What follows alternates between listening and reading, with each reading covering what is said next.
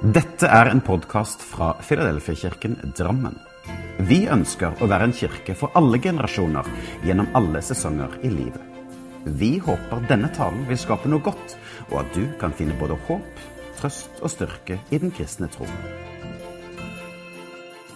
Les mer om vår kirke på filadelfiadrammen.no. Nåde deg. Ja, nåde deg om du tør si noe. Nåde deg om du så prøver deg. Nåde deg.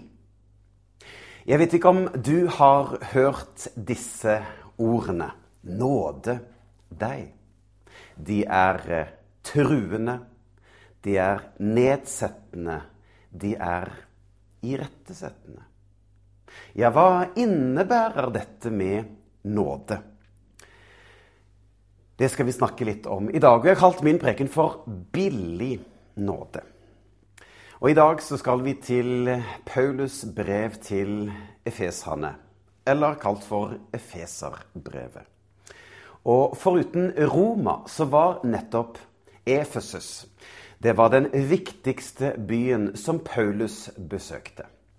Og Efesus den lå mellom to eldgamle handelsruter, som gjorde at byen var både sentral og viktig, både politisk og religiøst.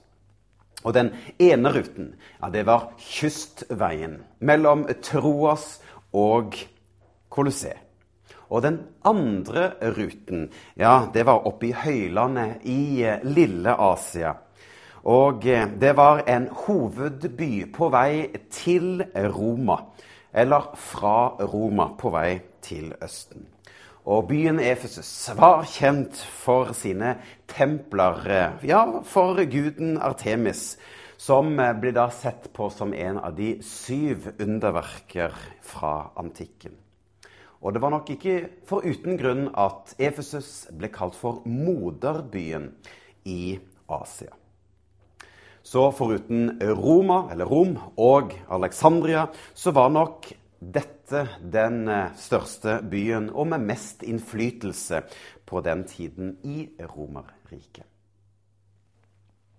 I denne byen så hadde Paulus startet å forkynne evangeliet blant jøder i synagogen. Og eh, tradisjonelt sett så er da dette Efeserbrevet er tilskrevet til de troende i Efesus, men òg de omkringliggende menigheten. Ja, for eh, trolig så var ikke Efeserbrevet kun ment for denne ene menigheten. Men flere bibelforskere mener at dette var et brev, et rundskriv, som ble sendt rundt til ulike menigheter som skulle bli lest opp eller lest for mange. Og vi skal til dagens bibeltekst i Efeserne 2 og versene 1-10. Så la oss bruke litt tid på å lese disse ti versene. Ved Kristi død ble dere gjort levende. For dere var jo døde i deres synder. Dere gjorde ikke Guds vilje, men levde i synd slik alle andre i denne verden, og lot dere friste av ham som var, som er ond, og som vil at mennesker, mennesker skal fokusere på sitt ego og være ulydige mot Gud. Før vi ble kjent med Jesus, levde vi alle slik og gjorde det som tankene og lystene våre ville. Slik er menneskets natur. Ånden vår var død pga. synd, men Gud er full av godhet for oss. Fordi han elsker oss så høyt, har han igjen gjort ånden vår levende. Slik Jesus ble gjort levende igjen etter sin død på korset. Gud frelser oss av bare nåde. Han setter oss sammen med Kristus, og slik blir vi, sammen med ham, opphøyet i den himmelske verden. Slik vil mennesker til alle tider få kunne oppleve Guds overveldende godhet og rikdom av Jesus. Slik er frelsen en gave fra Gud. Den er gitt av bare nåde. Og frelsen kommer ikke som et resultat av våre handlinger, men fordi vi tror at Gud gir oss den av bare nåde. Derfor kan ingen skryte av at de selv har gjort noe som helst for å bidra til sin egen frelse. Vi er skapt av Gud. Vi er Hans verk. Derfor er vi beredt til å gjøre gode gjerninger som Gud på forhånd har bestemt for oss, slik at vi skulle vandre i dem. Ja, litt kontekst, litt sammenheng hvor denne bibelteksten er hentet fra. Dette er kapittel to i Efeserbrevet. Men i eh, kapittel én så kommer en evologi, altså en lovprisning, en hyllest, en ære til Gud. Og en eulogi kan på sett og vis sammenlignes med et minneord. Ja, En hyllest til en person som har reist hjem. Det er velvalgte, opphøyde, velsmakende og ærefylte ord. Og i Efesabrevets eulogi så får vi en lovprisning av frelsen gjennom Jesus. Bare hør på disse ordene. La oss lovprise Gud, vår Far, Han som også er vår Herre Jesu Kristi Far. Da han ga oss Kristus, ble vi velsignet med de største velsignelsene som finnes både i himmelen og på jorden. Tenk at han hadde en plan. Ja, en plan han hadde lagt før jorden ble skapt. At vi skulle få, leve feilfrie og uten synd sammen med ham. På grunn av Jesu død for oss blir vi befridd fra syndens makt. Vi får tilgivelse for våre synder av Gud selv. Så stor og nådig er Gud mot oss. I generasjoner var Guds frelsesplan som et mysterium for menneskene. Men nå har Gud i sin godhet gjort den kjent for oss. Så lenge det er tid igjen på jorden, finnes det bare én måte å komme til Gud på, og det er gjennom Jesus. Alt handler om ham, og det er Jesus som føyer oss sammen. Visste du at disse ordene i kapittel 1 fra vers 3 til 14 på originalspråket gresk er en lang setning, altså uten punktum. Og det er som at det er en strøm av toner, en strøm av melodier, som lovpriser Guds godhet og kjærlighet til oss gjennom Jesu død og oppstandelse. Og det er samme stil som fortsetter inn i dagens bibeltekst, inn i kapittel 2. For versene 1 til 7 er én setning. Og i disse versene så er det ett subjekt, og det er Gud. Og så er det tre hovedverb, og det er gjorde oss levende. Oppreiste oss og satte oss sammen med ham. Altså, Gud gjorde oss levende. Gud oppreiste oss, og Gud satte oss sammen med ham. Ja, ja hvorfor gjorde han det? Jo, som vers 4 sier, at Gud er rik på nåde. Ja, han elsker oss. Han ga sin sønn til oss. Og han åpnet veien for oss, like inn til hans hjerte. Og for å gi oss tilgang til hans hjerte, så måtte smertens vei gås. Via Dolorosa, altså smertens vei til Golgata. Til korset. Og det er den eneste veien som fører oss fram til Guds hjerte. Via Dolorosa. Det er eh, en gate i gamlebyen i Jerusalem. Og den løper fra litt innenfor løveporten og til gravkirken. Og det regnes som den veien hvor Jesus bar sitt kors på vei til sin korsfestelse. Gud åpnet veien til himmelen for oss.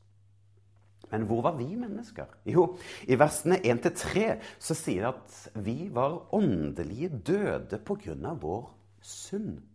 Vi vandret etter tidsånden i denne verden. Vi var opptatt av våre menneskelige lyster. Men så sier da vers 4 men. Ja, det er et stort men. Ja, det er et før, og det er et etter. For det var en himmelsk redningsaksjon. Nesten så stor at vi knapt kan klare å fatte det. Altså, Gud handlet på vegne av oss. Fordi han elsket oss så høyt. Ja, nesten en skamløs kjærlighet. Jeg skal si noe om det. For la oss gå til eh, Det gamle testamentet for å se på dette med skamløs kjærlighet. For å forstå bredden og dybden av dette med Guds nåde. Det er en profetbok som heter Hosea. Og Vi skal tilbake igjen til det delte riket, altså til 700 år før Kristus. Og Vi husker at David var konge, men etter hvert så ble hans rike delt i Nordriket og i Sørriket. Og Hosea han er en av de tolv små profetene. Og han virket som profet sammen, eh, på samme tid som eh, med eh, Isaiah, Mika og, og Amos. Og Hosea er den eneste skriftprofeten fra Nordriket som òg profeterte over Nordriket. Og Hosea han fikk sitt kall i slutten av Nordrikets eh, mektigste konge, siste mektigste konge, Jeroboam 2. Og eh, han profeterte da i 40 år, helt til bortføringen av Nordrikets folk opp til Asyria i 722 før Kristus. Men Hosea ble utvalgt for å leve ut budskapet om Guds kjærlighet til sitt folk ved å gifte seg med en utro kvinne. For boken Hosea den handler om et folk som vandret bort fra Gud. Og de trenger å høre om hans rause kjærlighet. Og for at profeten selv skal få lov til å kjenne på kroppen denne kjærligheten fra Gud, så fikk altså Hosea et oppdrag om å gifte seg med en kvinne som skulle komme til å bli utro mot ham. Og denne utro Gomar er et bilde på Israel. For folket hadde vendt ryggen til Gud. Og Guds løsning var at Hosea skulle med sin kjærlighet til Goma være et bilde på den kjærligheten som Gud hadde for Israel. Og Da står det i bibelteksten at Herren sa til meg, gå igjen og elsk Gomer. Hun er elsket av sin ektemann, men er likevel utro og bryter ekteskapet. Slik er også Herrens kjærlighet mot Israels folk. Han elsker dem, men de vender seg likevel til andre guder. På den tiden så var det skamløst, usømmelig, ja, det var nesten frekt, det å gifte seg med en prostituert. Men hør her. Ser du linken? Ja, for på sett og vis så blir jeg og du og vi som denne prostituerte. Ja, altså billedlig sett. For vi levde slik alle gjorde med de tankene og lystene som de selv ville. Men det er her Gud kommer med sin skamløse kjærlighet og sier fordi jeg elsker deg så høyt, så reddet han oss. Han gjorde oss levende og satte oss sammen med ham. Alt på grunn av nåde. Nåde. Ja, det kommer fra dette greske ordet 'charis' og betyr favør. Altså Guds favør til oss. Ja, gitt som en gratis gave, helt ufortjent. Nettopp fordi han elsker oss. Og så valgte jeg å kalle denne preken for billig nåde. For det blir som denne tyske teologen i motstandskampen mot nazistene, Didrich Bornhofer, sa. Hør på dette. Billig nåde rettferdiggjør synden, men ikke synderen. Billig nåde er den nåden vi viser oss selv. Ja, billig nåde forkynner tilgivelse uten omvendelse. Den er dåp uten omvendelse. Nattverd uten synsbekjennelse. Billig nåde er nåden uten etterfølgelse. Nåden uten kors. Nåde uten den levende Jesus Kristus, han som ble menneske av kjøtt og blod. Altså, Billig nåde det er å, å, ta imot tilgivelse uten omvendelse, uten synserkjennelse, uten etterfølgelse, uten kors, uten Jesus Kristus. Og dette er en farlig vei å gå. For det er interessant å se at synet på dette med nåde og synd har endret seg i ulike bølger gjennom tidene. Altså loven versus nåden. Pietismen versus hypergrace. Er alt bare nåde? Nei. Romerne 5 sier at nåden kom på grunn av synden. I moderne tid så har dette med hypergrace, eller hypernåde, vokst. Altså hypernåde. altså Hyper betyr for mye. Man hevder da i denne tankegangen at all synd, ja, både den som er gjort og den som kommer til å bli gjort, allerede er tilgitt. Så man trenger ikke be om tilgivelse. Og en kristen trenger heller ikke å bekjenne sine synder for Gud. Siden Gud ser på oss som kristne som både hellige og rettferdige nettopp fordi Jesus allerede har sonet all synd. Og denne bølgen av teologi den snakker ikke om synd, og snakker heller ikke så mye om Det gamle testamentet. Og det blir slik som Didrik, Didrik Bornhofer kaller dette med billig nåde. Billig nåde. Uten omvendelse, uten syndserkjennelse, uten etterfølgelse, uten kors og uten Jesus Kristus. Hva skal vi da si? Skal vi fortsette å synde, slik at Gud kan vise sin nåde og tilgi oss gang på gang? sier Romerbrevet 6. Nei, selvfølgelig ikke. Vi kan ikke på den ene siden ha Jesus som herre og ta imot tilgivelse gjennom hans død, og samtidig ukritisk fortsette å gjøre ting som vi vet er galt. Han sier òg videre.: Men der synden ble stor, ble Guds nåde enda større. Slik som synden herjer med mennesker og fører til død, slik skal også nåden herske og gi evig liv ved Jesus, vår Herre. Billig nåde. Bonhoeffer han bruker et annet begrep, dette motsatte begrepet, som heter dyr nåde. Og den hjelper oss i å forstå bredden og dybden av det Jesus gjorde på Golgata. For han sier at nåde er dyr. Fordi den koster et menneske livet. Den er nåde fordi, først, eh, fordi det er først slik den gir et menneske liv. Den er dyr fordi den fordømmer synden. Men nåde fordi den rettferdiggjør synderen. Framfor alt er nåden dyr fordi den kostet Gud dyrt. Fordi den kostet hans sønns liv. Ja, dere er kjøpt og prisen er betalt. Og fordi det er og fordi det som er dyrebart for Gud, ikke kan være billig for oss. Dyr nåde er at Gud ble menneske, sier Didrich Bornhofer. Så la oss ikke gå vill i dette. Dyr nåde kontra billig nåde. Ja, det oppsummerer et sunt forhold til dette med synd og nåde.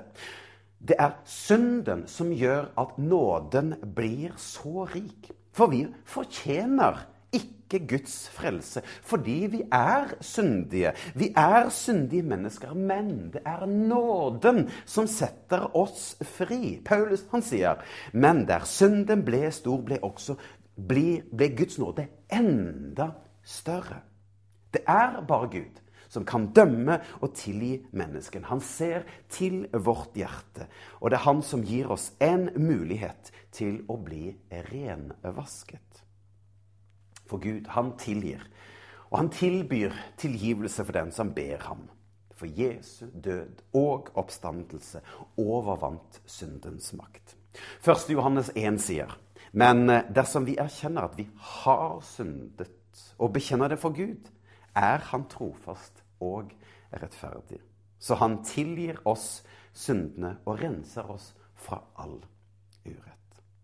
For når vi kommer til ham med vår skam og skyld og synd, så renser han oss hvite som sne. Du er fri.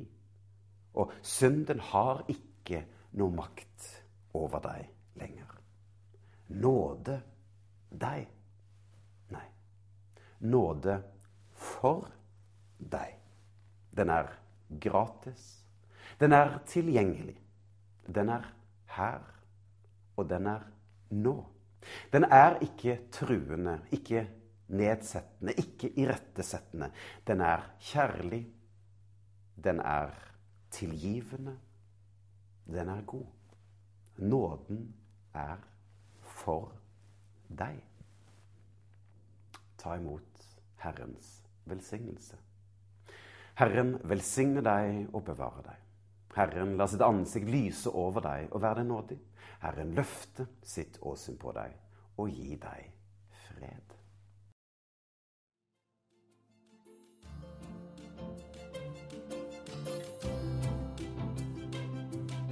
Som en avslutning på denne podkasten ønsker vi å lyse Herrens velsignelse over deg. Herren velsigne deg og bevare deg.